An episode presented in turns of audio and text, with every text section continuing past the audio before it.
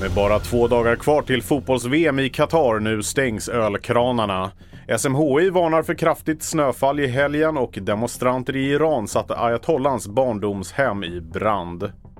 Ja, med bara 48 timmar kvar tills öppningsmatchen i fotbolls-VM så inför Qatar ölförbud på och runt arenorna enligt källor till AP. Bara alkoholfri öl kommer att få säljas vid matcherna. Något som inte lär falla i god jord hos storsponsorn Budweiser som redan fraktat stora mängder av sitt lager till Qatar. TV4s Olof Lund är på plats i Doha. Det är klart att det är överraskande att eh, Qatar ändrar sig så här tätt inför VM. Eh, det har ju tidigare gjorts eh, klart att man skulle sälja öl på arenor.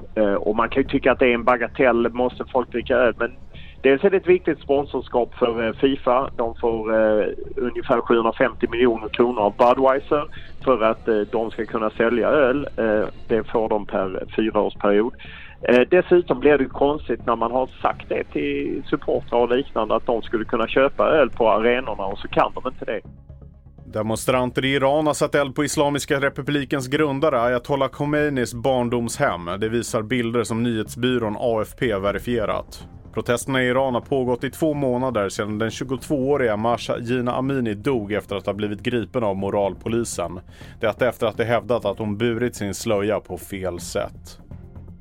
Den man som misstänks ha mördat en anställd på ett vårdboende i Enköping erkänner mord och har begärts häktad.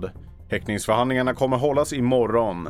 Det var den misstänkte själv som ringde 112 vid halv ett på eftermiddagen igår enligt åklagaren.